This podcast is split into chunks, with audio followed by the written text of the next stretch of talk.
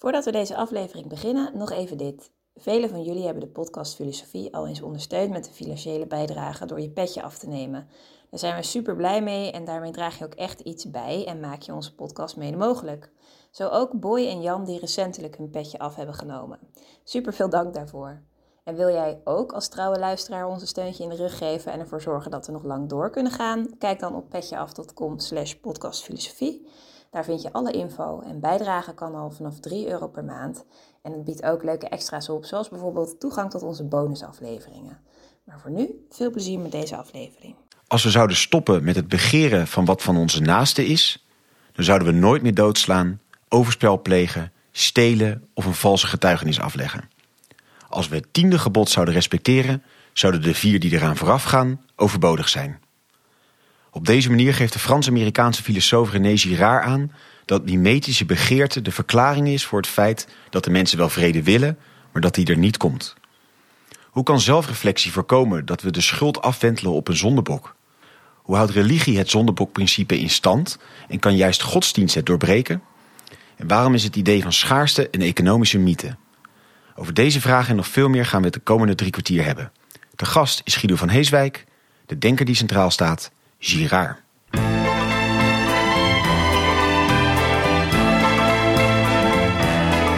Vers les docks où le poids et l'ennui me courbent le dos. Dag, goed dat je weer luistert naar een nieuwe aflevering van de podcast Filosofie van het Centre Erasme, School voor Filosofie in Frankrijk, Vlaanderen en Nederland. Mijn naam is Allard Amelink en het concept is wel bekend. Een hoofdgast, een presentator en een sidekick. En in ongeveer 45 minuten duiken we in het denken van een specifieke filosoof. En vandaag zit naast mij Kees Vijstra. Dag Allard. Het slotstuk van onze Vlaanderen trip. In Antwerpen. Precies, en we zijn te gast bij uh, iemand die we al een keer eerder bezocht hebben, Guido van Heeswijk. Mooi dat je weer bent. We hebben het vorige keer met jou gehad over Charles Taylor. En uh, Guido is filosoof, emeritus hoogleraar wijsbegeerte van metafysica, cultuur en religie in Antwerpen en Leuven. Al waar hij nog steeds doseert. Hij schreef talloze boeken en uh, artikelen over de eerder genoemde Charles Taylor. En zoals we vorige keer ook al zeiden, ook veel over René Girard. En daar gaan we het vandaag over hebben.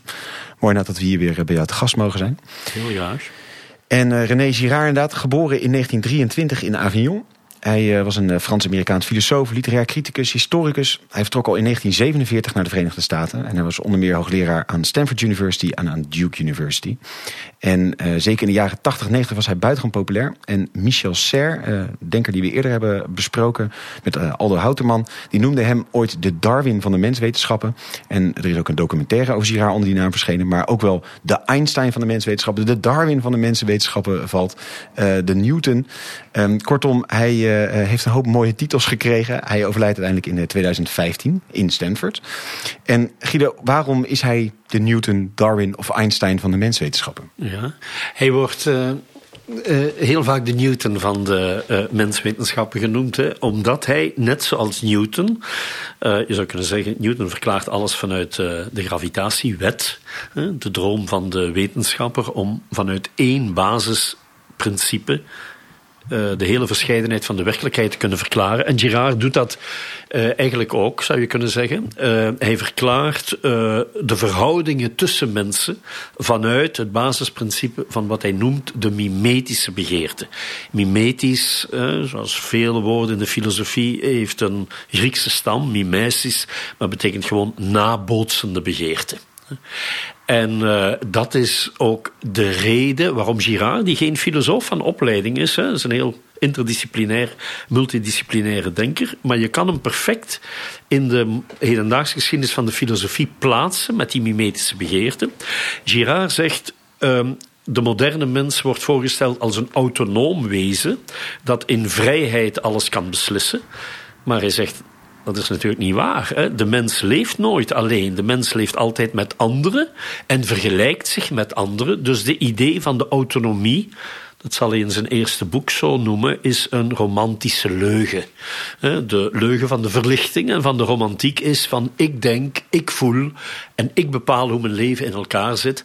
Maar Girard zegt natuurlijk, onderliggend daaraan is uh, bepaal je je leven altijd in vergelijking met anderen. En dat moet ik me gewoon echt letterlijk voor me zien. Dat je je buurman zie je iets doen, je, je, je vrienden zie je wat doen, je familie zie je wat doen. En je denkt, dat moet ik ook, of dat moet ik juist niet. Of, en op die manier spiegel je eigenlijk het Ja, ja. Hij gaat daar zelfs heel. En daar kan je de band leggen met Darwin en de biologie. Kijk, eigenlijk is nabootsing een voor Girard allereerst iets heel positiefs. Dus wanneer een kindje geboren wordt, hè, uh, ja, dat volgt natuurlijk, is helemaal afhankelijk van de moeder en van de vader. In de eerste plaats van de moeder. En, en, en de moeder en de vader leren dat kind. En via nabootsing leert een kind natuurlijk. Je leert spreken zoals je ouders je dat leren. En mensen rondom je. Dus door nabootsing uh, leer je heel veel. Dus dat is op zich een heel positieve kracht. Nu, begeerte of verlangen, zegt Gerard, is eigenlijk ook een positieve kracht. Hè? Als je niets meer verlangt, doe je niets meer. Hè? Je wil een tijdschrift oprichten, je, je verlangt daar iets mee te doen. Dat is op zich eigenlijk iets, iets heel positiefs. Het probleem is, zegt Girard, waar verlangen en nabootsing samengaan. Als je verlangt wat iemand anders verlangt, hè, je bootst het verlangen van iemand na, dan komen er heel vaak problemen. En in die zin is nabootsend verlangen een, wat hij Pharmacon noemt, ook natuurlijk een, een uh, centraal woord in de geschiedenis van de filosofie. Hè. Het pharmacon is tegelijkertijd een geneesmiddel en een vergif. Hm. En dus nabootsend verlangen, dus je hebt natuurlijk anderen nodig, maar je vergelijkt je ook met anderen. Uh, dus het contact met anderen heeft altijd iets heel dubbelzinnig. En dat dubbelzinnige is voor hem de sleutel om te begrijpen waarom mensen eigenlijk het goede wel willen, maar het vaak niet doen. Waarom mensen in vrede met elkaar willen leven, maar vaak toch ruzie hebben. En, en kun je er iets meer ingaan op het vergif? Waarom is het, het is dus helzaam omdat je ervoor leert. En uh, de hele taal is natuurlijk iets wat je allemaal nabootsen doet. Het handelen, uh, nou, heel duidelijk. Die vergifkant, waar, waarom is het inderdaad zo, zo giftig? Ja, dus het nabootsen is heel positief. Hè? Dat is het, het, het, geneesmiddel, zo leer je heel vlug. Hè? Je zou kunnen zeggen, het klassieke onderwijs is daar ook op gebouwd. Hè? De meester doet het voor, of de juffrouw doet het voor. En de kinderen doen het na. Hè? Dat is het, het klassieke beeld van onderwijs. De vorige generatie leert je en jij bootst En wanneer je iets heel goed kan nabootsen, pas dan kan je creatief worden. Dus dat is heel positief. Maar het vergif ontstaat wanneer je het bindt aan het verlangen. En dan geeft hij voorbeelden. Um, ja, bijvoorbeeld twee vrienden die alles met elkaar delen. Dus ze doen lagere school, middelbare school. Ze, uh, ja, ze zijn geen concurrenten van elkaar. Nee, ze doen eigenlijk alles voor elkaar. Ze hebben ook min of meer dezelfde interesses. Maar dan worden ze allebei verliefd op hetzelfde meisje. Oeh dat, dat zet de, de, de vriendschap natuurlijk ongelooflijk onder druk. Of uh, ze hebben allebei, het zijn twee heel goede studenten. Ze hebben een, uh, hetzelfde diploma. Uh, ze kunnen voor dezelfde job solliciteren. Ja, dan, en één krijgt het en de ander niet. En dan voel je, en dat is Girard. Girard is eigenlijk geen theoretische filosoof. Girard vertrekt altijd. Is eigenlijk geen filosoof, zou je kunnen zeggen. Hij is een, een denker in de brede zin van het woord. Hè. Uh, dan voel je hoe moeilijk dat is. Hè. En dat uh, je beste vriend dat juist heeft wat jij zo graag had gehad. En dan voel je de jaloezie knagen. Hij, hij, hij maakt heel interessante analyses, terwijl je beschaamd bent dat je jaloers bent op je beste vriend. Terwijl als je beste vriend het niet gehaald had, maar meneer X of mevrouw Y, die twintig jaar ouder was, dan, dan maakte je geen probleem. Je zei, ja, maar die heeft veel ervaring. Dus, maar nu is het juist die beste vriend. En eigenlijk is dat dus heel contradictorisch, of wat Girard noemt, door en door tragisch. De, de mens is door en door tragisch. De mens is door en door tragisch. Omdat dit principe de, de, de wortel is van, van alle sociale conflict. Of, Ja. of, en, en ook onvermijdelijk is. Ja, dus uh, het is de wortel van alle sociale conflict. Juist omdat we samenleven met elkaar. En hoe dichter we bij elkaar zitten, hoe moeilijker. Tegelijkertijd ook hoe verrijkender. Hè? Dat is heel, heel de spanning die er zit. Ja. Dus het tweede punt is, wat je zegt, is het onvermijdelijk? Hij zoekt dus om dat te doorbreken. Dus de, de hele zoektocht van Girard is, is deze. Dus hij is de Newton die zegt, je hebt die mimetische begeerte. Die mimetische begeerte. Dus het mimetisme is goed, begeerte is goed, maar mimetische begeerte is een, kan een gif zijn. Dat kan alles. eh, eh, ja, eh, in de war sturen tot chaos. Eh, mensen beseffen dat, bewust of onbewust, hè? woke of niet woke, zou je zeggen, beseffen ze dat wel. Hè? En dan zoeken ze naar manieren om daaraan te ontsnappen. Dus ze willen niet dat dat onvermijdelijk is, want dat maakt ook een samenleving kapot, dat maakt vriendschappen kapot, dat maakt relaties kapot. Dus men zoekt naar manieren om, om daaraan te ontsnappen. En een van de manieren om daaraan te ontsnappen, die dus heel vaak gebeurt, is het zondebokmechanisme. En dat is die tweede term waarmee hij zo bekend geworden is. Hè. Maar tegelijkertijd is het zondebokmechanisme natuurlijk een vreselijk mechanisme, ook al komt het heel, heel vaak voor. Dus, en dan zoekt hij verder naar een andere manier om te ontsnappen aan het gif van de mimetische begeerte, zonder in het zondebokmechanisme te vervallen. Ja, want zou je op die, op die zonnebok verder in willen gaan? Net? Want eigenlijk, uh, Ivo, als ik hem zo zelf zou denken... heb je dus die spanning tussen bijvoorbeeld die twee vrienden... om die even vast te houden. Ja. En ga je het eigenlijk projecteren op een derde... dat het conflict ontstaat. Ja, ja. hem zo goed? ja, heel vaak heb je... En dat doen ook naasten doen dat. Dus dat doen juist misschien ook naasten, die, die kiezen dan een zondebok. Ja. Het ligt aan die derde. Het ligt aan die derde. Ja. Ja. Hij geeft, eh, ik zal eens een heel banaal voorbeeldje, maar hij geeft heel vaak banaal. Dus je hebt, zegt hij, een, een, een groep. Hij, ehm, neem nu in een premoderne cultuur. Hè. Ehm, eh, minder mensen dan nu. Je leeft in een soort van, van, van clan. Hè. Laten we zeggen honderd, eh, een honderdtal mensen. En eh, ja, er moet eigenlijk een, een leider gekozen worden, want de vorige leider is dood. En er zijn drie, vier kandidaten.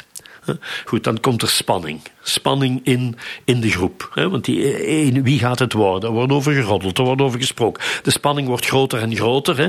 Eh, er komen ruzies tussen mensen. En mensen spreken het vaak niet openlijk uit. Omwille, dat is ook een term die hij later uit het evangelie... omwille van de lieve vrede. Girard zegt, de lieve vrede bestaat niet. Maar dat doen de meeste mensen. In plaats van de, de confrontatie aan te gaan, zwijgen ze. We gaan het er niet over hebben, want we weten dat die vindt dat vervelend en die niet. Maar die spanning wordt groter en groter. En hij zegt net zoals eh, de spanning op een lichaam, wanneer dat te groot wordt, dan, dan word je ziek. Eh, dat is psychisch ook zo. A- Als je het altijd moet verzwijgen, word je ziek. En dan op een bepaald moment komt er een uitbarsting. En hij zegt, je ziet dat heel goed, en dat is zijn studie van, van de mythe die dat geleerd hebben. Op een bepaald ogenblik zegt, weet je waarom het hier zo slecht gaat? Dat komt door die daar.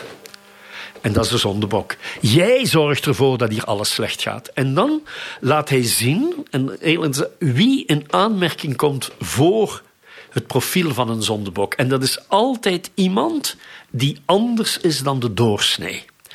En als ik mag, geef ik een voorbeeld. Je hebt de curve van Gauss. Laten we zeggen dat 80% het gemiddelde is. Hè, en dan heb je 10% die totaal niet mee kunnen. Hè. Bijvoorbeeld, neem een voorbeeld in een klas. De allerdomste van de klas. Maar er is ook 10% die daarboven de allerslimste van de klas. En hij zegt, eh, je ziet heel goed bij het pestgedrag van kinderen dat kinderen altijd één van die twee eruit nemen. Dus het astmatische kind dat eh, te dik is en op de speelplaats wordt er voetbal gespeeld, kan niet mee en dat kind wordt gepest. Dat kind is het minst sportief. Of het kind dat stottert, daar wordt gepest. Maar bijvoorbeeld neem ook eh, ik zeg maar iets, Marieke, dat is een heel slim kind en het ziet er ook nog heel goed uit. En is altijd in orde met huiswerk. En de juffrouw of de meester is op een bepaald ogenblik kwaad. Hè. Eh, er is veel te drukte met de coronamaatregelen, zou je zeggen. En ze hebben hun huiswerk weer niet gemaakt. Of, en die juffrouw die zegt, de grootste pedagogische fout die ze kan maken. Neem maar eens een voorbeeld aan Marieke. Altijd in orde, altijd goede punten, altijd dit. Hè. Ja, dan weet je dat Marieke enorm het gevaar loopt van gepest te worden. En dus de zondebok is altijd degene die anders is dan de doorsnee. Dat kan individueel zijn, dat kan qua groep zijn. Ja. En dan ligt voor de hand ja, de Joden, de moslims, de homoseksuelen, de enzovoort enzovoort. Ja. En dan, hij geeft talloze voorbeelden uit mythische verhalen om dat aan te tonen. En is dat altijd een hele bewuste beweging? Dus dat, je, eh, dat, dat het, een, een, het komt tot een uitbarsting en dat, dan moet dat zich een weg zoeken en denk je, god, dat zal dan die groep zijn? Of gaat dat veel latenter en, en ontstaat het per ongeluk en, en la- landt het? Ja, heel interessante vraag. Het, gaat, het, het eh, voltrekt zich totaal latent. Het voltrekt zich totaal onbewust. Het is zelfs zo dat ehm, de. Ehm, hij zegt de mythen die zijn geschreven vanuit het standpunt van de vervolger. die zijn er eigenlijk van overtuigd. En dat is heel interessant voor ook de debatten eh, vandaag. Hè, dat de zondebok schuldig is. Dus zij denken, ze zeggen, kijk, er zijn hier spanningen daardoor. Waardoor zijn er spanningen in de jaren dertig in, in Europa? Dat zijn die Joden, hè? Of er zijn spanningen, ja, dat zijn die migranten. Of het loopt hier allemaal mis, ja, dat zijn die witte cisgender mannen. Of, en zo kan je verder gaan. Ja, hè? en binnen dat discours klopt het echt. En ga je En niet binnen zeggen, dat discours eh, klopt joh, het echt, eh, ja. zou het mogelijk liggen aan die groep? Nee, We denken er zo nou nee, binnen dat Ja. discours Ja. klopt het. Maar, Ja, maar ja. waar- waarom, waarom klopt dat dan binnen? Ja, omdat het verhaal sluit is. Nou, dus eh, Ja. eh, nazistische propaganda ging niet zeggen... ja, laten we eens een keer een zondeboek zoeken. Zijn het niet die Joden? Maar die zeggen, het komt door die Joden. Het Dus komt de- door die Joden, ja, inderdaad. het dus er is zoiets, hè, en hij geeft altijd die voorbeelden van kleine. Hij, hij zegt, je ziet dat al bij kleine kinderen. Je ziet dat heel, heel goed. Hè. Men gaat dat duwen op iemand. En er zit in. En, en men zegt dan, ja, maar dat komt door die. Hè. Bijvoorbeeld. eh, hij zegt als een kind een ander kind pest. Hè, en de juffrouw haalt die eruit. En dan zegt heel vaak dat kind, ja, maar die vraagt er ook om. Ja, ja, ja. Dat is eigenlijk eh, een snulletje, een suffertje, die laat zich doen. En er is iets wat mensen heel vaak doen, zegt hij. Dus eh, je hebt iemand die dan schreeuwt en, eh, en, en bazig is. En die doet dat al, bijna altijd ten opzichte van iemand van wie jij weet dat hij dat, dat die nooit zal reageren. Want natuurlijk, als iemand tegenreageert, dan houden meestal mensen met een grote bek zich in. En dus. eh, maar dat is dat idee van, ja, dat is een eh, snulletje. Hè? En dat snulletje verdient het eigenlijk. Vaak zeggen pestende mensen, maar die verdienen het ook. De Joden verdienen het. Ja. Want dat, dat, dat zijn uitbuiters. Hè? En zo verklaart hij waarom eigenlijk totaal onmenselijke dingen kunnen gebeuren vanuit het besef dat het eigenlijk eh, Ja. verdiend was. Maar, eh, maar, maar nog, maar nog heel even terug. Dus die zondebok die komt in de plaats van het uitvechten van een conflict. Ja, ja. Dat- dat- Eigenlijk zegt hij zelfs, het komt in het. In de het helpt het conflict oplossen. Ja. Dus, want mensen zijn dus eh, gefascineerd door elkaar om, om iets te bereiken. Eh, en om die spanning te ventileren, te kanaliseren. Dat is het woord dat hij gebruikt. Hè. Je gaat, ga je dat richten op een zondebok die daar buiten staat, die daar niks aan kan doen. Hij heeft een boekje geschreven, want ja, schrijft niet zo makkelijk. Hè. Fransman, hè.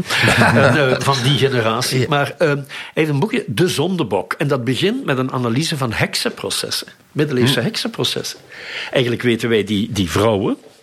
Ah, ik zal het voorbeeld, dat waren, heksen waren vrouwen die minder dan 50 kilogram wogen. Dat zijn vandaag de topmodellen. Hè? Die lopen op de catwalk. Hè?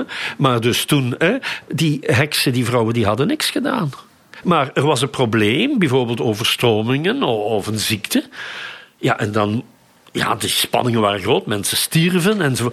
En dat waren die vrouwen. En dan zei men, die hadden een, eh, een band met de duivel, of die hadden dat water vergiftigd, of wat dan ook. Die hadden helemaal niks gedaan, maar, dat sluit zich vanzelf. Maar heeft het dan dus altijd met die mimetische begeerte te maken? Want in het geval van zo'n overstroming kun je natuurlijk gewoon zeggen... dat is eigenlijk meer dus het zondebok voor een natuurramp. Dus dat is meer een ja, inderdaad. Ja, je zou ook... Kijk, eh, ja, daar heb je een, een voorbeeld waar het misschien niet rechtstreeks van in het begin met mimetische begeerte eh, eh, verbonden is, maar... eh, eh, het voorbeeld van eh, iemand wil leider worden, daar zie je het heel Ja. duidelijk. Maar wanneer er een probleem is, bijvoorbeeld een overstroming of een natuurramp, dan moeten natuurlijk dingen verdeeld worden. Ja. En dat leidt tot mimetische begeerte. hè. En wie moet geholpen worden, wie niet. En dus voor Girard, maar je kan zeggen, da- da- daar kan je ook kritiek, hè, dat is de kritiek die je altijd hoort, hij verklaart alles vanuit mimetische begeerte. Maar Girard zal zeggen, kijk, er is een natuurramp, maar mensen reageren daarop. En hoe reageren mensen daarop? En dus wil je dan de huizen herbouwen, dan moet er genoeg geld zijn. En wie krijgt dat geld? En hoe wordt dat verdeeld? Enzovoort. En dan krijg je spanningen onder elkaar. En die spanningen worden altijd afgeleid naar iemand die de schuld is. En die iemand die de schuld is, dat kan bijvoorbeeld natuurlijk ook een, een een eerste minister zijn. Hè? Hij heeft bijvoorbeeld een boekje, een, een artikel geschreven in Le Monde. Is nu lang geleden, eh, maar eh, ik weet niet in hoeverre het nog voor, voor jonge mensen bekend is. Hè. Bill Clinton, Amerikaanse president, werd op een bepaald ogenblik beschuldigd van het feit dat hij met, weten ze, Monica, Lewinsky een seksuele relatie had. En Clinton ontkende. En eh, het kwam elke dag op televisie. En uiteindelijk is ook heel dat proces op televisie gekomen. Iedereen kon dat volgen. Clinton moest door het slijk. En dan heeft René Girard, dat is typisch Girard, een artikel geschreven, dus in Le Monde verschenen. Was Bill Clinton de enige Amerikaanse man die vreemd ging? Dat is een retorische vraag natuurlijk. En hij zei, uh, er gaan heel veel Amerikaanse mannen uh, vreemd. En hij zegt, niet dat ik dat goed vind hoor, zegt hij. Maar waarom Clinton? Omdat Clinton Clinton is, zegt hij. En Clinton is ideale man om daar een zondebok van te maken. Omdat hij natuurlijk al die tegenstellingen hè, van... Clinton valt natuurlijk buiten de curve van Gauss. Die is president van Amerika. Man heeft veel succes. Man heeft veel succes bij vrouwen, wat veel mannen ook willen. En nog eens, hij schrijft erin. Ik vind het gedrag van Clinton helemaal niet zo geweldig. Maar ik vind het gedrag van de pers nog veel erger. Ja. En van alle mensen nog veel erger. Je maakt daar gewoon een perfecte zondebok van. En hij, geeft dan, hij zegt wanneer een minister fraudeert.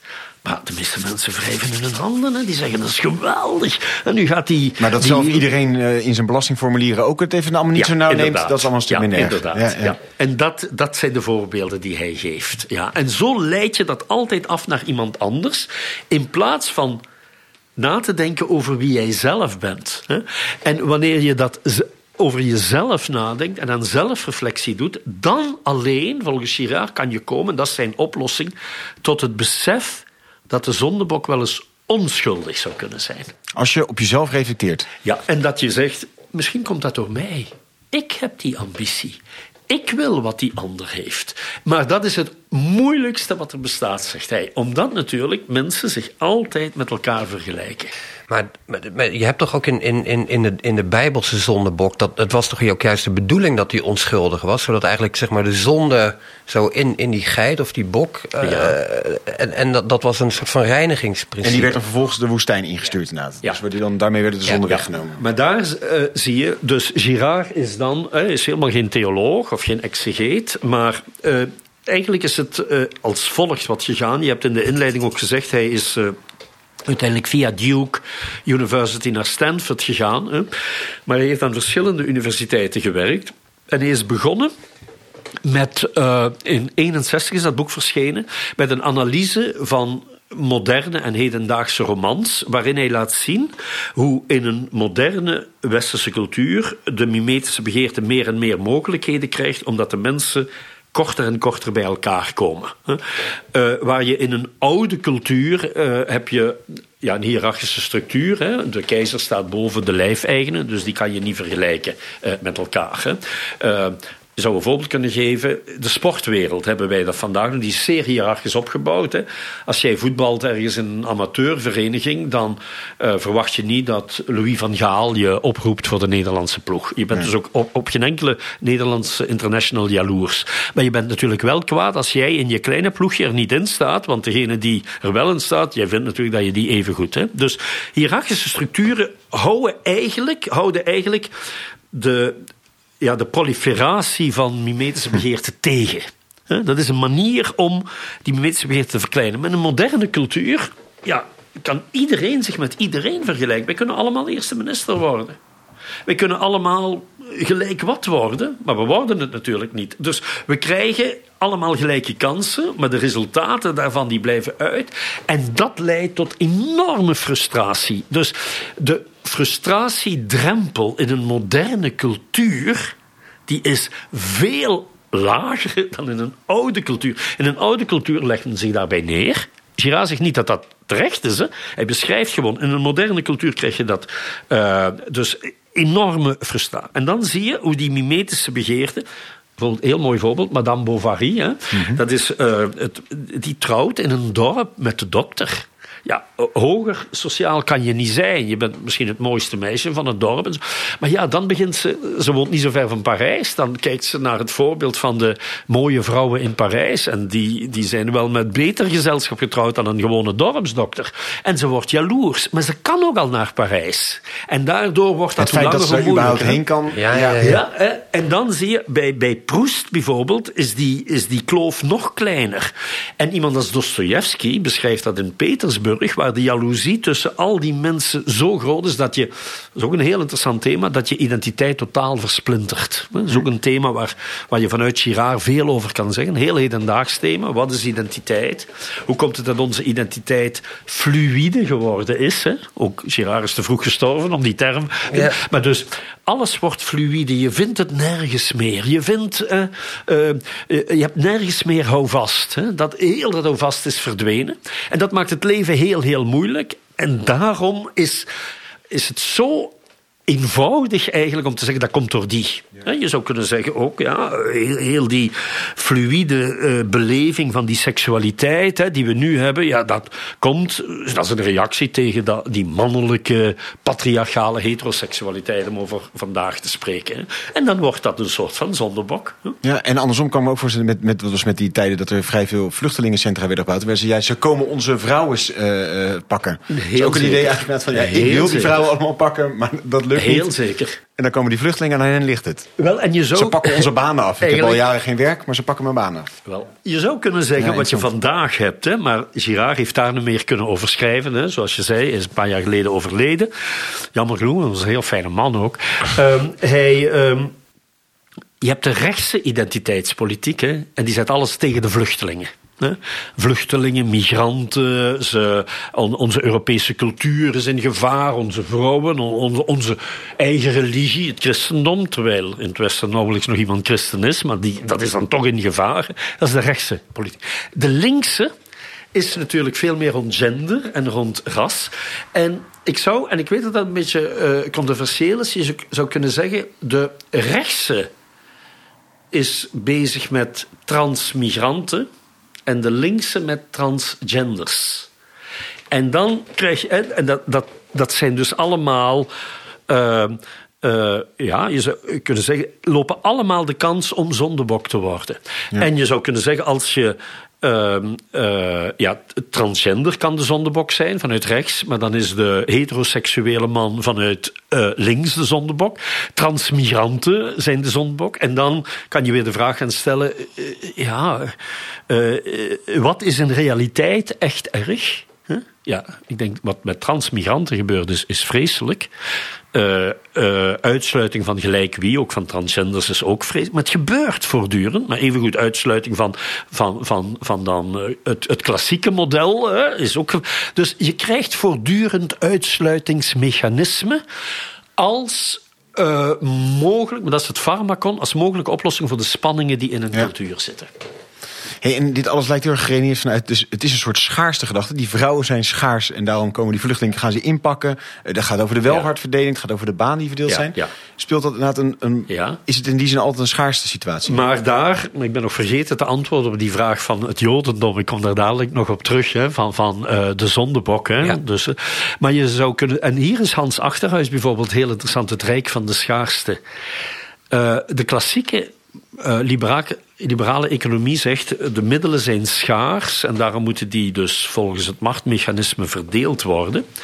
Maar de theorie van René Girard die gaat daar regelrecht tegen in. Die zegt wij creëren schaarste.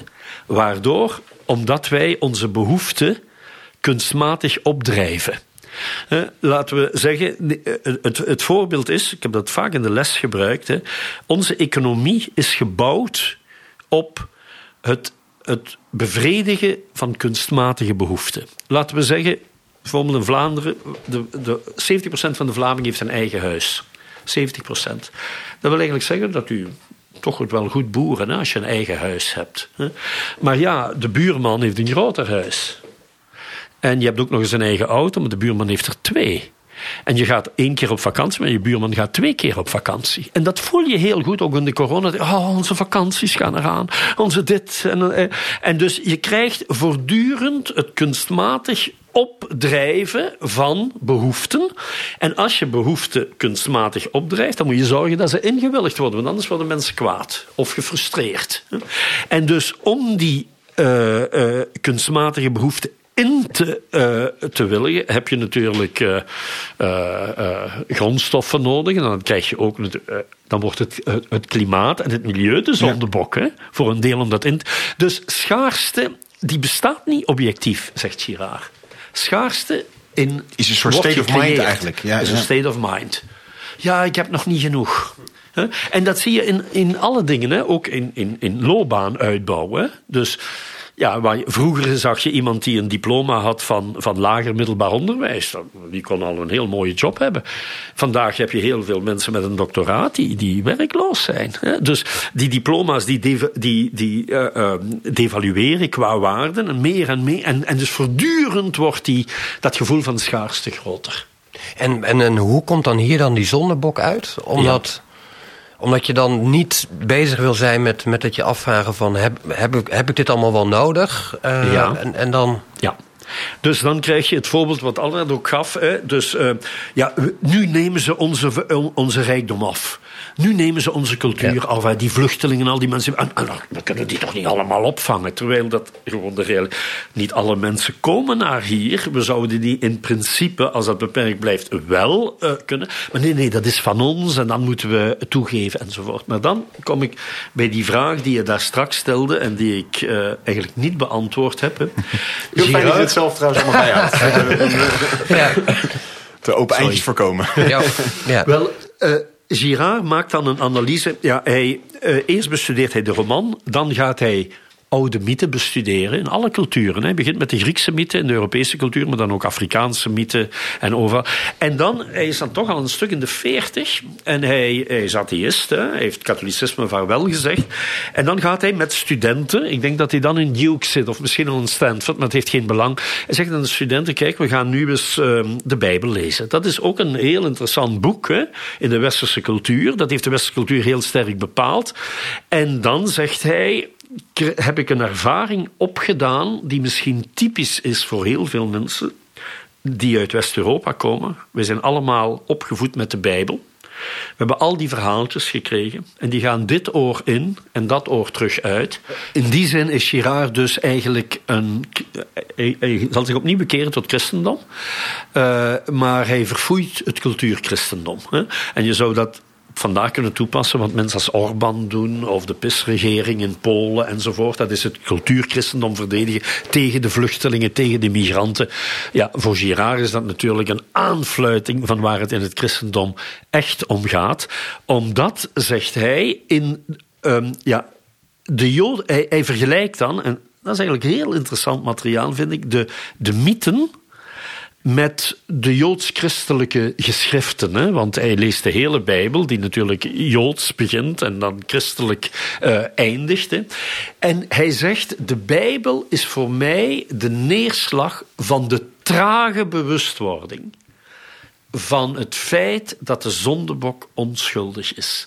En dat is ook de reden, zegt hij, waarom je natuurlijk in de Bijbel zonder enig probleem gewelddadige scènes kan kiezen.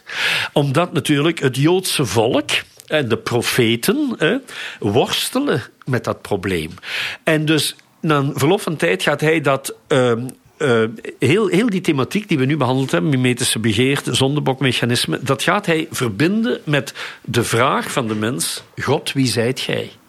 Yahweh, wie zijt gij? Is Yahweh de straffende? Is Yahweh degene die de zondebok aanwijst? Of is Yahweh degene die zegt: je moet, de zonde, je moet de fout niet bij iemand anders leggen. Denk eens over jezelf na. En hij leest de Bijbel als een heel geleidelijke bewustwording daarvan. Maar hij vergelijkt dat bijvoorbeeld met heel de relatie tussen de mythes bij de Grieken en de tragedies. Hè. Het is natuurlijk bekend dat de, de tragedieschrijvers die gebruiken die mythische stof. Maar hij heeft ook heel mooi geschreven over de figuur van Antigone. Dus Antigone, daar heb je een, een, eenzelfde soort bewustwording. Hè. Het is dus Creon. Eh, je hebt die twee broers. Hè, en de ene broer eh, eh, moet mag begraven worden en de andere niet. Want dat is de wet van de goden. En de ene broer is dan de zondebok. Maar Antigone, de zus die zegt tegen Creon helemaal niet: Ik ga mijn andere broer ook begraven. En bij Antigone vind je al een soort van bewustwording van Dat het- zondeboek, het principe is onterecht. dat Ja. dat onterecht is. En daarvan zal Girard zeggen dat dat in het christendom, in de figuur van Jezus, bij uitstek duidelijk wordt. Want het evangelie, zegt hij, is, is juist een boek dan heeft hij het over het christelijke evangelie, is een boek dat geschreven is niet vanuit het perspectief van de vervolgers, maar vanuit het perspectief van de vervolgden. Ja. En dus in, de, in het evangelie staat dat Jezus, die natuurlijk, dat is de ideale zondebok, hè? dus al de passieverhalen, die beschrijven gewoon de zon. Jezus die staat alleen, hij wordt zelfs door Petrus verlaten, door iedereen verlaten, niemand verdedigt hem. En Gerard zegt, dat is typisch, hè? dat heb je altijd bij mensen, wanneer één iemand alleen staat, de meeste mensen trekken hun handen af. En het evangelie zegt juist, maar Jezus was de onschuldige bij uitstek. En, en hij, hij was, dus de zondebok was onschuldig.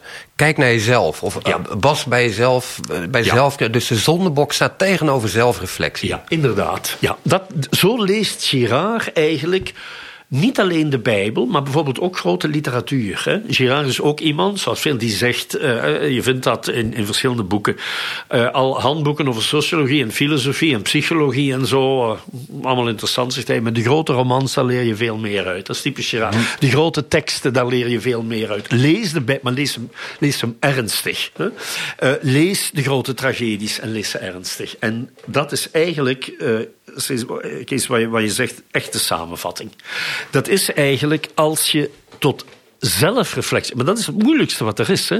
Want dan moet je ook bekennen hoe, hoe onaf jij zelf bent. Hoeveel fouten je zelf maakt. Hoe, hoe je zelf leidt onder jaloezie. Onder jezelf leidt onder ijdelheid. Hè? En hij zegt dat is eigenlijk niet erg. Want dat geldt voor mij. Dat geldt voor iedereen zo. En dan kan je het zondebokmechanisme uitschakelen. En dat is eigenlijk. En hij heeft heel mooie voorbeelden. Hè?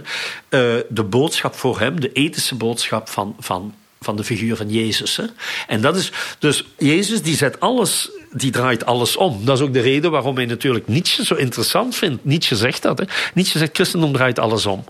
Het christendom zegt eh, de eerste zullen de laatste zijn of de laatste zullen de eerste zijn. Hè? Dat is de omkering, dat is het omgekeerde van mimetische begrip. Want iedereen wil altijd de eerste zijn. Iedereen wil de mooiste zijn. Iedereen wil de beste zijn. Het christendom zegt, dat is belachelijk. Eh, Waar- waarom moet jij de eerste en de beste zijn? De, de laatste is even goed. En het voorbeeld van de talenten. Of, eh, en dan geeft hij. Dat heeft mij wel heel erg aan, aangesproken, moet ik zeggen, zijn analyses van het Evangelie. Maar ook al van het Oude Testament. Hij heeft eigenlijk. Ik kan, als het mag, misschien één verhaal Ja, vertellen uit het Oude Testament. Waardoor we, hè, dus eh, het verhaal van het Salomonsoordeel twee prostituees hè, hebben allebei een kind. Hè. Het is het bekende verhaal. Hè. Maar ik, ik vind dat, dat is ook een heel ontroerend verhaal. Zoals hij, twee prostituees hebben allebei een kind. En hebben natuurlijk niet zo geweldig leven. Zeg, hij, hij beschrijft het zo, want welke prostituee zou nu daarvoor echt kiezen? Maar ja, ze moeten in hun levensonderhoud voorzien.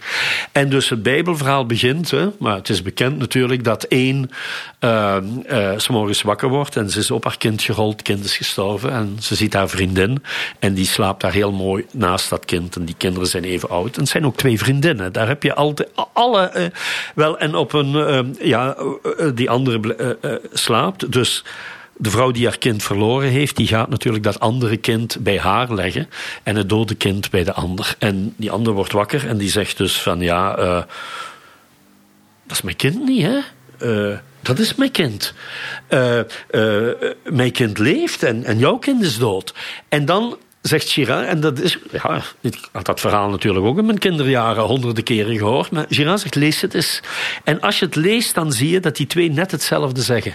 De een zegt, mijn kind leeft. Die ander zegt, mijn kind leeft. Nee, jouw kind is dood. Nee, jouw kind is dood. Nee, het is mijn kind. Nee, het is mijn kind. Dus het is perfect mimetisch. Trouwens, Girard zegt, ruzie maken, dat is het meest mimetische wat er is. Ja.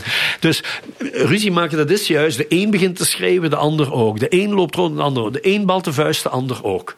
En je kan het maar doorbreken doordat een van de twee stopt. Maar ja, dat is heel moeilijk, want dan ben je een, een snul, zo gezegd. Hè? Dus, en uh, goed, dan moet Salomon komen. Want hij is rechter hè, en koning, ja, het oud systeem. Hè, en Salomon luistert naar de twee. Maar hij kan geen antwoord vinden. Want, geen, geven, want ze zeggen allebei hetzelfde. En dan past hij ja, de zondebok terug toe. En hij zegt tegen hen: Kijk, hè, jullie maken ruzie om hetzelfde. Weet je wat ik doe? Ik kap het in twee en krijgen jullie allebei een stuk. Dat lijkt op het eerste gezicht totaal idioot te zijn. Maar dan zegt één van die twee vrouwen: Nee, geef het dan maar aan haar. Huh? En dan zegt hij, jij bent de moeder. Ja, dus hij maakt eigenlijk zijn eigen oordeel op zichzelf tot zondebok als een soort bliksemafleider Als voor een eigen bliksemafleider Ja. om te zien wie echt een offer brengt. En hier kom je bij, want bij Girard, je hebt het zondebok-offer. En eh Girard zal aanvankelijk zeggen, wij moeten elke vorm, want er zit ook evolutie in zijn denken, elke vorm van offer eh, wegduwen. Maar na verloop van tijd, onder andere, hij is goed bevriend met een, is intussen ook overleden, een Oostenrijkse theoloog Raimund Schwager, die een, een, een heel mooi boek geschreven heeft, Brauchen wir ein Sündenbock, waarin hij tegen Girard zegt, ja, maar het offer, dat staat centraal in het christendom trouwens. Oh, Hoe kan jij nu zeggen dat het christendom zonder offer is? Jezus heeft zich ook geofferd. offer, ja. En dan heeft Girard daar opnieuw over geschreven. En dan eh, heeft hij gezocht naar de betekenis van een zinvol offer. En dan zegt hij, die moeder brengt een enorm offer, die geeft haar kind weg. Maar liever haar kind weggeven aan een andere vrouw dan het kind laten doden. En dan zegt hij, hij past dat toe op offers. Wanneer je nu bijvoorbeeld weet dat je kind gehandicapt is, wil je daarvoor zorgen of niet? Dan breng je een enorm offer als vader en moeder, want je zet je carrière on hold. Wil je dat of wil je dat niet? Bijvoorbeeld bij een beslissing rond abortus. Dus hij zoekt dan naar een nieuwe betekenis van offer. En daar ziet hij ook de betekenis van het offer van Jezus. Hij zegt, en daar zet hij zich af tegen heel de middeleeuwse en klassieke eh, theologie, dat Jezus moest geofferd worden omdat zijn vader zijn zoon zou offeren, opdat wij vrij zouden zijn. Girard zegt, dat is de grootste onzin die er bestaat. Als dat de kern van het christendom is, zou ik nooit christen gebleven, eh, opnieuw geworden zijn. Wat is dat nu voor een vader die dat... Hè? Eh, ehm, nee, hij zegt, Christus die is helemaal niet gedood door God, en die is gedood door mensen. Dus die, die ging in tegen wat men. En dan kwam die alleen te staan. En die passieverhalen die laten dat perfect zien. Maar dus hij ging zo ver dat hij eh, zei: Ja, maar ik eh, kan niet anders. Dan, dan word ik geofferd. Dus in bepaalde gevallen, en je zou kunnen zeggen: Mandela ging zo ver dat hij 28 jaar gevangenis erover, eh, voor over had. En dus offer heeft wel betekenis maar niet in de klassieke zin van het woord. En vooral niet het offer van een zondebok. hè. Maar je kan voor jezelf bijvoorbeeld zeggen: Goed, ik zet mijn carrière on hold om voor mijn zieke moeder te zorgen. Maar dan, dan hou je het offer naar jezelf toe. Dan kies je er proactief zelf voor ja. dan dat, het, je- dan, dat je ja, inderdaad. Ja. Nee, of dat je een ander offert. Ja, of een ander Ja. offert, maar... Ja. ja. Je, je, Je mag- houdt het offer Ja. naar jezelf Ja. toe. Jij wordt de zondebok. Dus ja, inderdaad. De kern is inderdaad dat je het offer nooit naar het andere mag brengen, Ja. maar dat je het eh, moet interioriseren. En dan maak je zelf de keuze natuurlijk. Hè. En zo zegt hij ook, wij hebben bijvoorbeeld de doodstraf, ah, niet in de Verenigde Staten, in veel, eh, maar bijvoorbeeld in West-Europa. Hij zegt, dat is eigenlijk een geweldig eh, vooruitgang. Geen doodstraf, zelfs niet voor een grote misdadiger. Maar wij brengen heel veel offers. En dan, daar wordt ook heel... Girard zegt, doordat wij de schaarste ehm, kunstmatig opdrijven. Ja, wat is het gevolg? Klimaatcrisis. Want als, als wij meer dingen willen, ja, dan moeten we die uit, uit het milieu halen natuurlijk. Dus het klimaat zou, en dat heeft hij dikwijls gezegd, dat is de zondebok van onze manier van leven. Zo eenvoudig is dat, zegt hij. Ten tweede zegt hij, eh, je naaste beminnen. Ja, dat is heel moeilijk. Wat, wat wij doen is, wij maken eigenlijk de zondebok van het zuiden. Je zou opnieuw bij corona, hè, we zijn dus twee of drie keer gevaccineerd als Nederlanders en Vlamingen. Maar natuurlijk in Afrika is 2% gevaccineerd. Dat weet ook iedereen. Dus wij maken natuurlijk zondebokken. Hè, voor onze eigen veiligheid. Hè. Voor onze eigen schaarste lossen we op door die ja, af te ja. wentelen op een ander. En vaak maken wij ook, en daar is iets wat mij nu. eh, wij maken ook onszelf natuurlijk, eh, om, om die behoefte te bevredigen. Gaan we met twee werken, eh, stress, eh burn-outs, al die dingen. Daar heeft hij ook al wel over geschreven, maar dat zet zich natuurlijk verder. Dus je maakt ook jezelf vaak, hè? Je, je tot slachtoffer, zegt hij. Je, je, je, je put jezelf uit omdat je mee in dat systeem draait. Dus in die zin is Girard eigenlijk so- sociaal-economisch een heel linkse denker. Maar tegelijkertijd is, hij- een religieuze denker. Hè? En, en, eh, maar een, een, een, een geweldig... ehm, ja, wat ze dan, progressieve christen. Hè? Dus bijvoorbeeld, men zegt dan de middeleeuwen was een christelijke tijd. Dat is helemaal niet waar. Wat zou de middeleeuwen christelijke tijd zijn? Hij zegt, het christendom dat zich eh, geïnstitutionaliseerd heeft in Europa, dat is een religie. Een religie is voor hem gebouwd op het zondebokmechanisme. Godsdienst is gebouwd op de ontmaskering van het zondebokmechanisme. En godsdienst confronteert je met jezelf en zegt: waar ga ik zelf in de fout? Uh, waar, en daarom, zegt Girard, was eigenlijk een hele zachte man, behalve als hij in debat was. Hè. Een geweldige debater. Maar dus uh, altijd proberen dat uit te leggen. Dus hij zegt, je, je, eigenlijk uh, moet je een zelfreflexief mens zijn. Dat betekent niet dat je, dat je onder zware schuldgevoelens... Hè, dus daar heeft hij ook veel over geschreven. Hoe in het christendom bijvoorbeeld het schuldgevoel wordt uitvergroot enorm uitvergroot. En dat vindt hij vreselijk. Hij zegt gewoon: nee, kijk naar jezelf, want in het christendom staat: je maakt fouten. Je bent een kwetsbaar mens. Je, je, maar dat is niet erg. De God van liefde aanvaardt dat ook. Hè? Dus en, hij, hij, laat al de aberraties zien. Hè? Je kan jezelf ook kapot maken in bepaalde ja. denominaties van het christendom. Eh, wij hebben, de, de luisteraar heeft hiervoor uh, ook wel een keer de aflevering over Freud kunnen luisteren. Ik heb het idee dat er meerdere links zitten. Dus en het idee van die begeerte die de enorm in de mens woekert en die dus uh, iets, iets onuitvoerbaars heeft. En anderzijds dat uh, daar ook de, de strekking uiteindelijk was van je moet niet naar buiten projecteren dat die problemen uiteindelijk allemaal voorbij komen. Je moet naar binnen kijken, daar zitten die begeertes, ja. daar zit ook de oplossing. Kijk naar jezelf refereert hij aan Freud of is het toevallig gewoon mijn, een, een associatie die klopt? Nee, nee, prima vraag. Hij refereert regelmatig naar Freud. Dat is het, het, het, het, het mooie van, van een figuur als René Girard, uh, vind ik. Kijk, ten eerste heeft hij die dubbele achtergrond. Hij is een Angelsakser. Hij is ook met een Amerikaanse getrouwd. Is altijd in Amerika gebleven. Uh, maar hij is ook een, een, een Fransman. Hij heeft dus dat continentale denken en dat Angelsaksische denken. Ten tweede is hij totaal geen vakidioot. Hij is historicus van opleiding, maar heeft heel veel filosofie gelezen, heel veel psychologie, heel veel psychoanalyse, heel veel sociologie, heel veel literatuur. Voor mij zijn dat de grote denkers. Dat zijn niet de vakspecialisten, de niche-denkers. Wel nu, hij heeft, zich, hij heeft zich ingewerkt in het werk van Sigmund Freud, maar ik zal misschien één voorbeeld geven waaruit het grote verschil blijkt. De Oedipus-mythe. Dus hij is, door Freud is de Oedipus-mythe uh, bekend geworden. Bij ons is het Oedipus-complex. Dus uh, heimelijk droomt elk kind met de moeder naar bed te gaan. En omdat dan die uit het bed gestoten wordt, ik zeg het nu heel eenvoudig, door die vervelende vader die altijd bij die moeder moet liggen, wil die zoon ook bij die mama. En heimelijk hoopt hij dat die vader uit de weg geruimd wordt. Dat is eigenlijk, zou je kunnen zeggen, het Oedipus-complex bij uh, Freud. En dan moet je op een bepaalde manier daarmee in het reinen komen. Girard zegt, nee, nee, het is veel eenvoudiger. De Oedipus-mythe, zegt hij, dat is een zondebokverhaal. Want Oedipus, dat, dat was een scheldnaam, hè? dat betekent mankepoot. Huh? Mankepoot. Oedipus ja, is dus het... het uh, uh, het kind van een koningskonde wordt, wordt, wordt uh, natuurlijk te vondeling gelegd en wordt vastgebonden aan een rotsblok, waardoor uh, dat bloed niet meer kan doorstromen en hij dus een, een manke poot heeft. Hè. En natuurlijk wordt iemand met een manke poot gepest. En ideaal om als zondebok uitgekozen te worden. Hoe, wat is nu het verhaal? Thebe de pest. Oedipus gaat naar Thebe.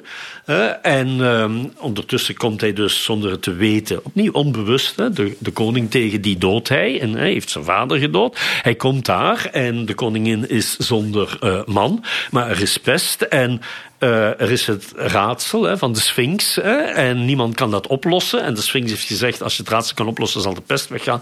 Oedipus kan het oplossen. Dat is een typisch Girardiaanse vraag: wat is de mens? Hè? Een, een, wezen dat, hè, eh, het raadsel is bekend, hè, een wezen dat als het klein is op vier benen loopt, en als het groot is op twee, en als het oud is op, op, op drie. drie ja. En hij zegt dat is de mens, baby, handen en voeten, en uh, de volwassen mens op twee, en dan de met oude mens ja. met een stok. Hè. En dus ja, hij wordt ingehaald natuurlijk als de grote redder van Thebe. En hier krijg je die typische eigenschappen van de zondebok. Namelijk aan de ene kant is hij een mankepoot. Hij loopt dus niet zoals andere gewone mensen. Aan de andere kant kan hij raadsels oplossen die niemand kan oplossen. Hij is zowel de onderste 10 als de bovenste ja. 10 procent eigenlijk. En dat, ja, en dat heb je bij de zondebok altijd. Hè. Opvallen in het positieve en negatieve. En hij combineert dat met elkaar. En op het moment natuurlijk dat dan bekend wordt... dat hij, hij huwt dan natuurlijk met zijn moeder. En ja, dan, dan wordt bekend dat hij huwt met zijn... En op het moment dat hij dat inziet en het volk dat inziet... dan moet hij natuurlijk eruit.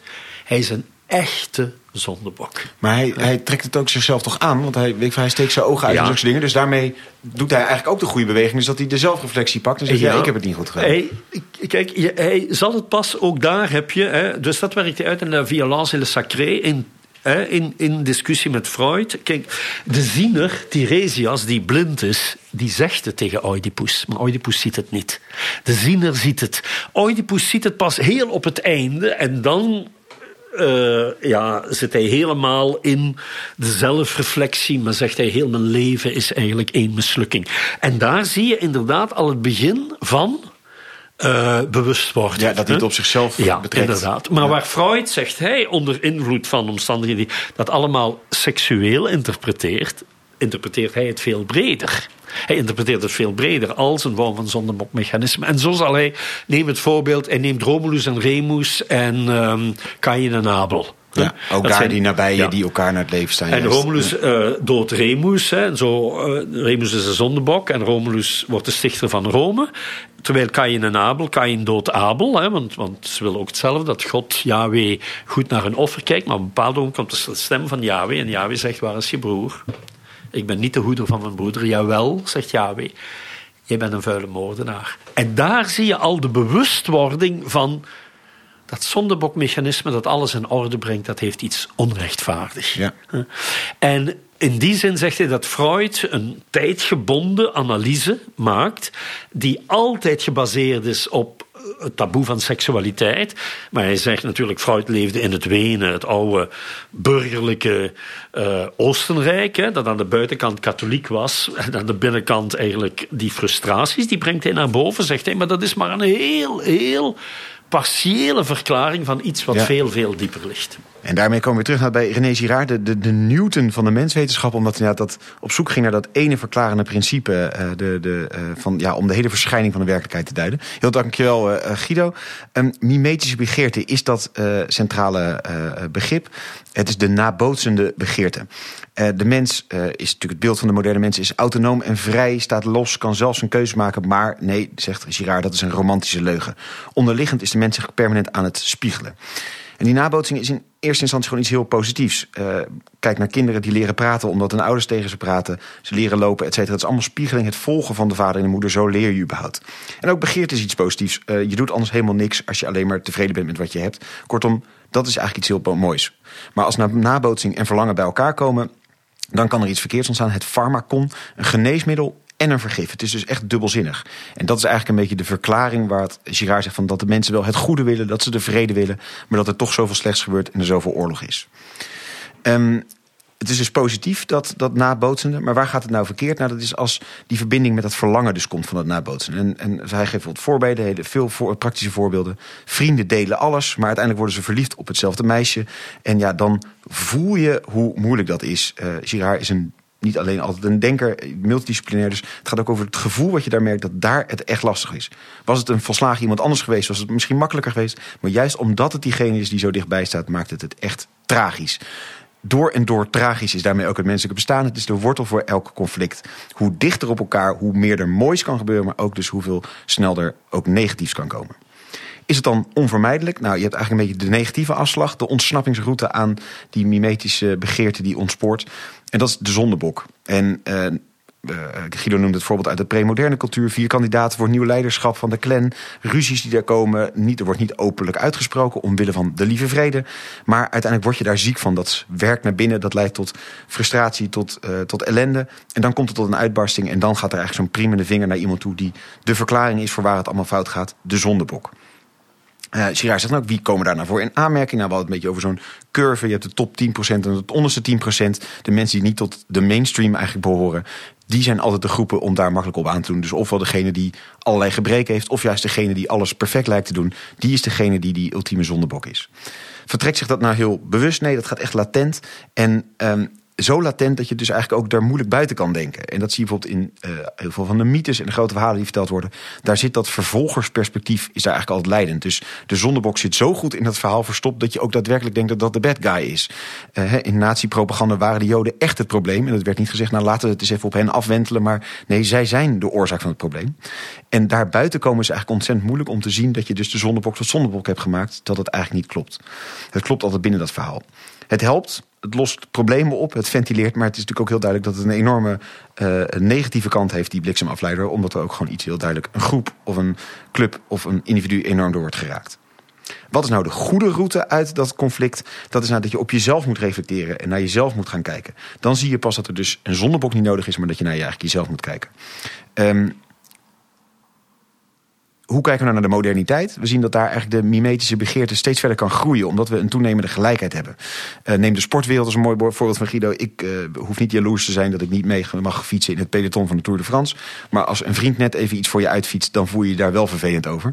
En dus heeft eigenlijk de moderniteit van toenemende gelijkheid geleid tot een proliferatie van mimetische begeerten, zoals uh, Guido dat mooi zei. Kortom, er komt steeds meer los, we krijgen meer kansen en dus zien we ook steeds meer frustratie als het niet lukt. En hij analyseert dat heel mooi, Girard, in de literatuur als je van Flaubert naar Dostoevsky al beweegt, zie je al eigenlijk een toenemende gelijkheid en dus ook een toenemende uh, uh, hoeveelheid uh, mimetische begeerten.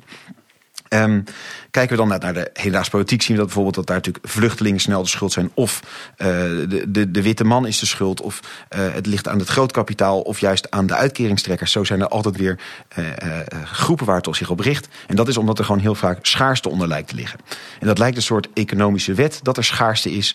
maar Girard zegt nee, wij creëren die schaarste. Door die mimetische begeerte ik heb een mooi huis, ik woon heel fijn, maar de buurman woont ook nog net iets ruimer, gaat nog net iets vaker op vakantie. Dus ik moet dat ook hebben. En dat hele moeten leidt dus tot een bevrediging van die kunstmatige schaarste die we eigenlijk in ons hoofd alleen maar bestaat. Hij kijkt dus naar romans, naar mythes. Het christendom komt hij volgens dan ook op beeld. En dan zet hij zich heel erg af tegen het cultuurchristendom. En ook wat we laten horen tegen uh, ja, de geïnstitutioneerde, uh, geïnstitutionaliseerde religie. Want die zorg pakt eigenlijk heel vaak juist dat zondebokprincipe juist in extreme vorm op. Terwijl hij juist zegt, waar gaat religie om, het christendom echt om? Dat gaat juist over het trage bewustzijn dat de zondebok juist onschuldig is. Um, en daarmee is natuurlijk dan Jezus daar de ultieme personificatie van. Namelijk de ultieme onschuld die dus uh, tot zondebok lijkt te worden gemaakt. Maar hij zet zich af tegen die klassieke lering van ja, het is uh, dat God um, de mens, Jezus nodig had als een losprijs voor onze ellende. Alsof God Jezus tot zondebok maakte. Nee, hij ziet dat anders juist Jezus wordt ja, door de mensen tot zondebok gemaakt. Um, en hij neemt dat op zich.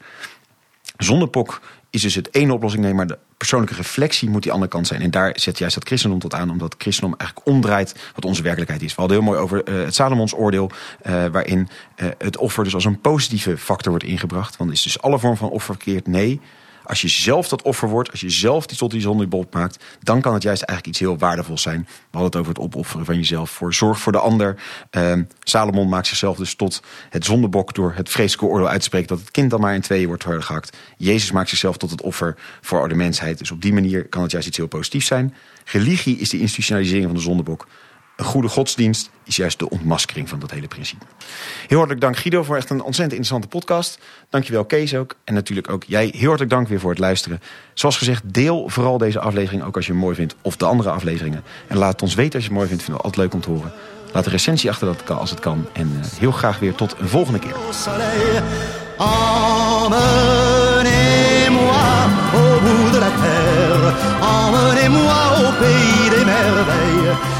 song.